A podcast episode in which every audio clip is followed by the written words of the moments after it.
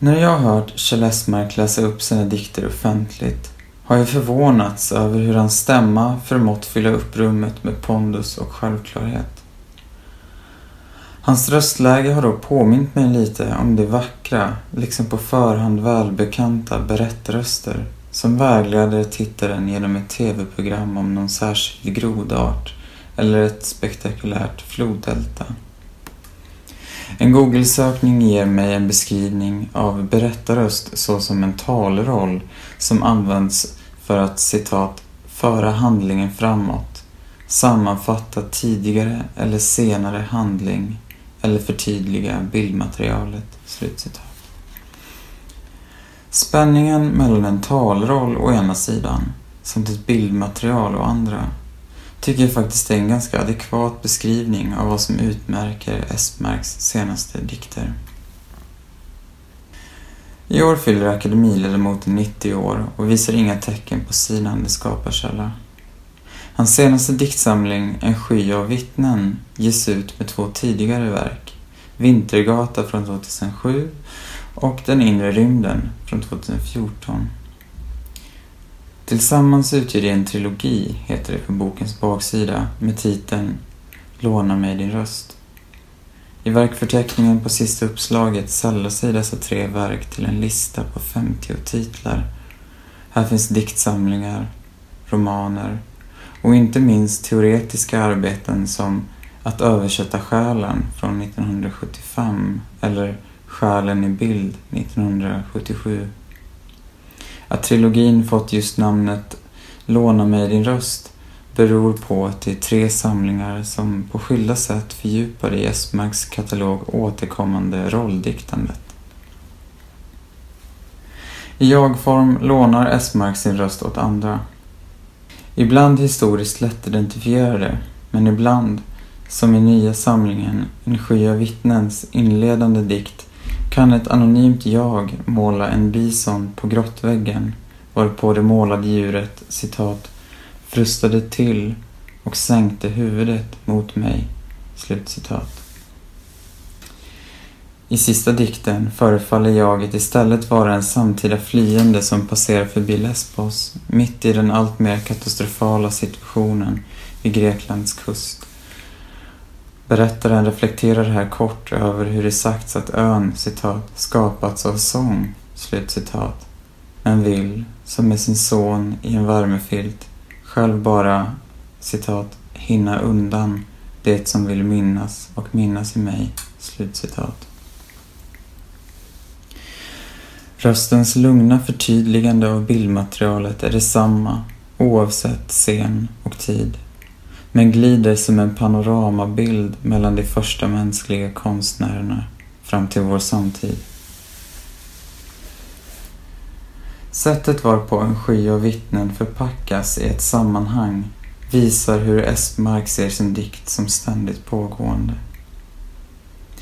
Likväl finns skillnader mellan trilogins tre samlingar.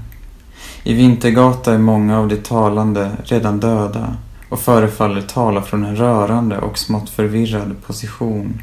Citat. Jag minns inte ens vilket land det var, men jag vet att jag tillhörde oppositionen. Slutcitat. Den inre rymden växlar hela tiden mellan rolldikt och självbiografiska minnesbilder.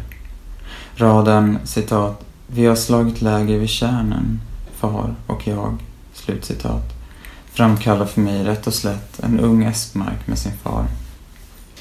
Men en fascinerande effekt uppstår ju längre boken fortskrider, nämligen att gränserna för jaget suddas ut. Citat, jag kände hur jag sprack i sömmarna, slutcitat, kommenterar också en av dikterna på det där berättarröstsättet som inte vill lämna för mycket oförklarat. Espmarks dikter vägrar vara solitära skapelser, fristående från kontext. De står i ständig dialog med poetens till synes oändliga förråd av historisk och litterär kunskap.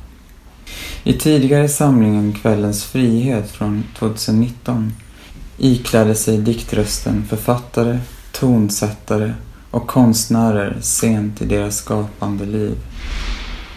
Detta för att tematisera spätstil, Den åldrade konstnärens karaktäristik av avskalad dissonans.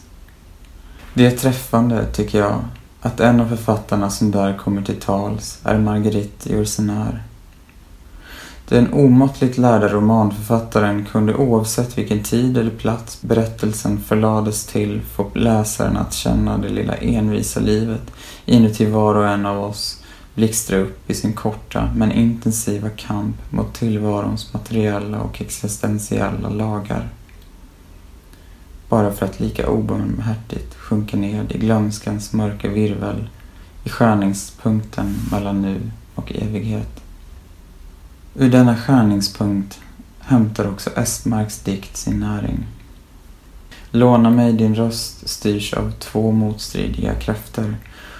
Å ena sidan den fragmentariserade verkligheten, mångfalden av röster som ryms i varje jag, som gränsar mot evighetens kaos och splittring. Å andra sidan ställs denna splittring mot rösten. Rösten det luftdrag som kroppens muskulatur skulpterar till meddelande är i sig en metafor för någonting annat, mer tekniskt.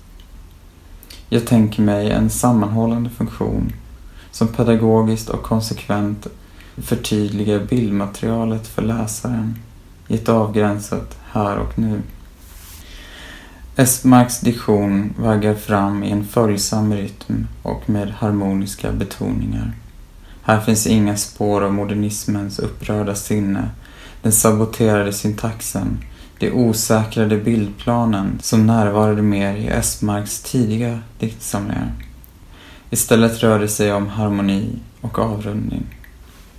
Citat. Länge var jag på väg mot exilen, dömd av Augustus, att timme för timme mista mitt liv. Redan skeppet förtunnades dag för dag tills det nätt och jämnt vidrörde vågorna. Det enda som ägde tyngd var mitt hjärta. Det sjönk som ankaret vid denna svarta kust. Farande moln ville stryka mitt namn.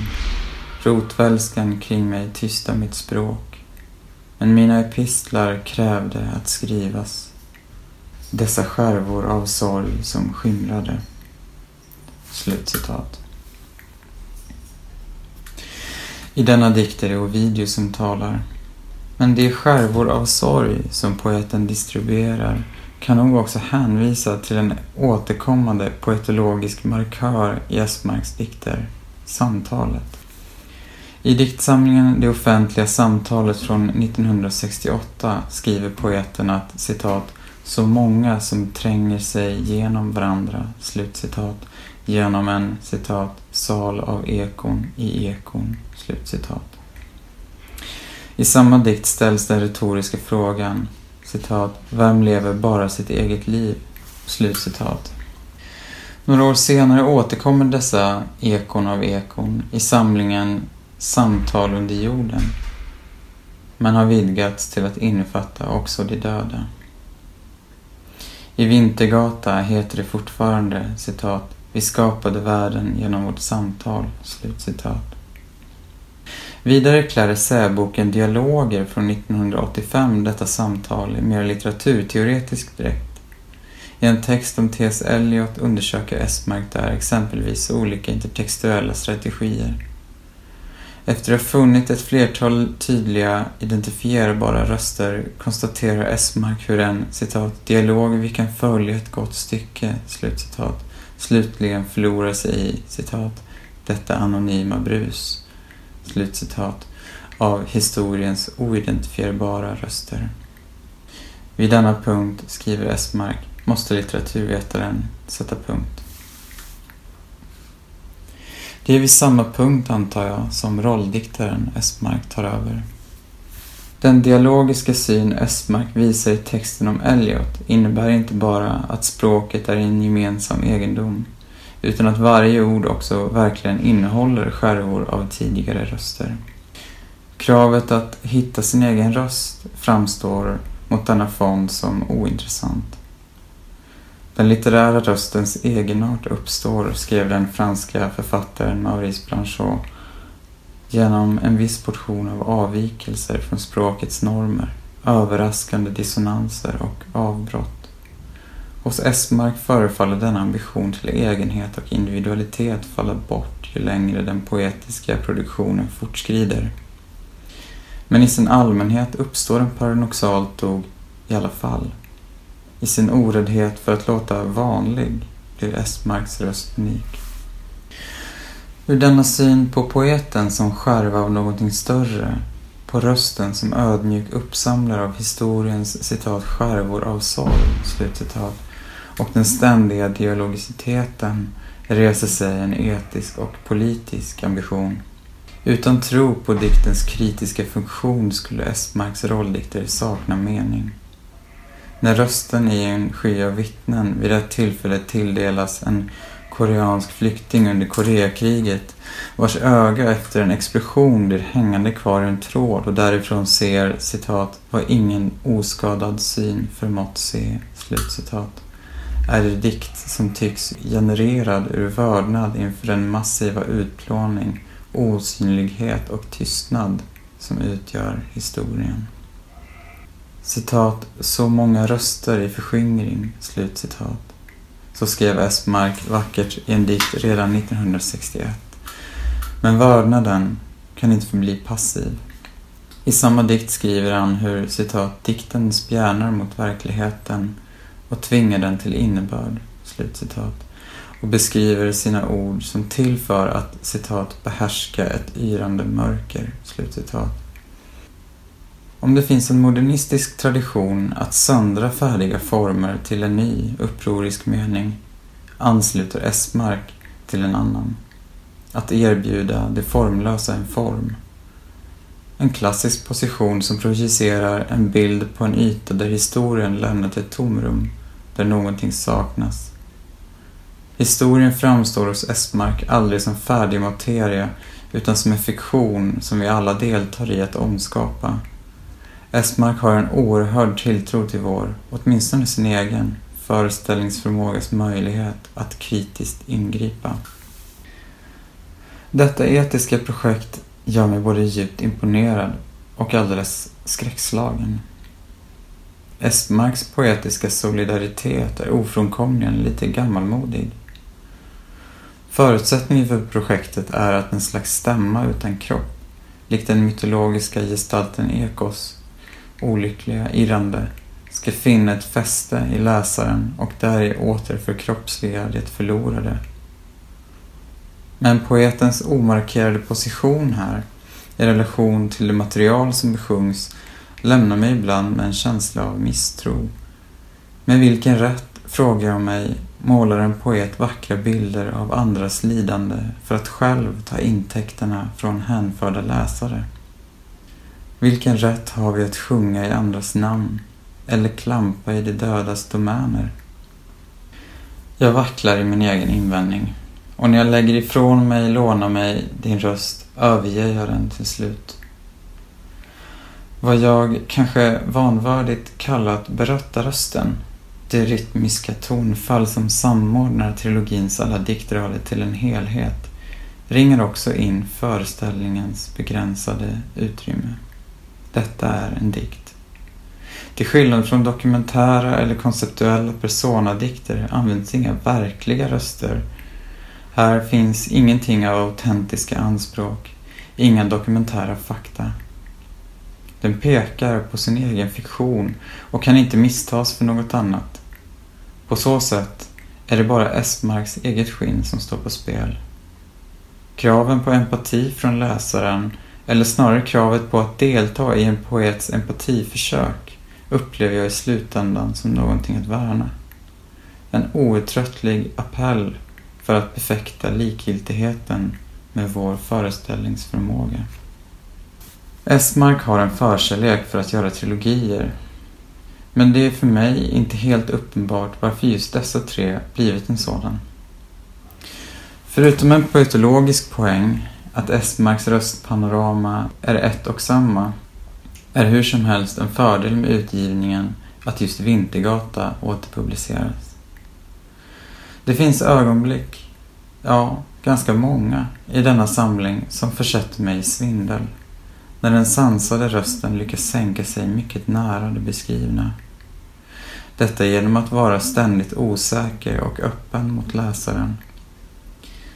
Det döda jaget tror sig i en dikt ha levt som filosof i clinch med kalifen, men omständigheterna är suddiga.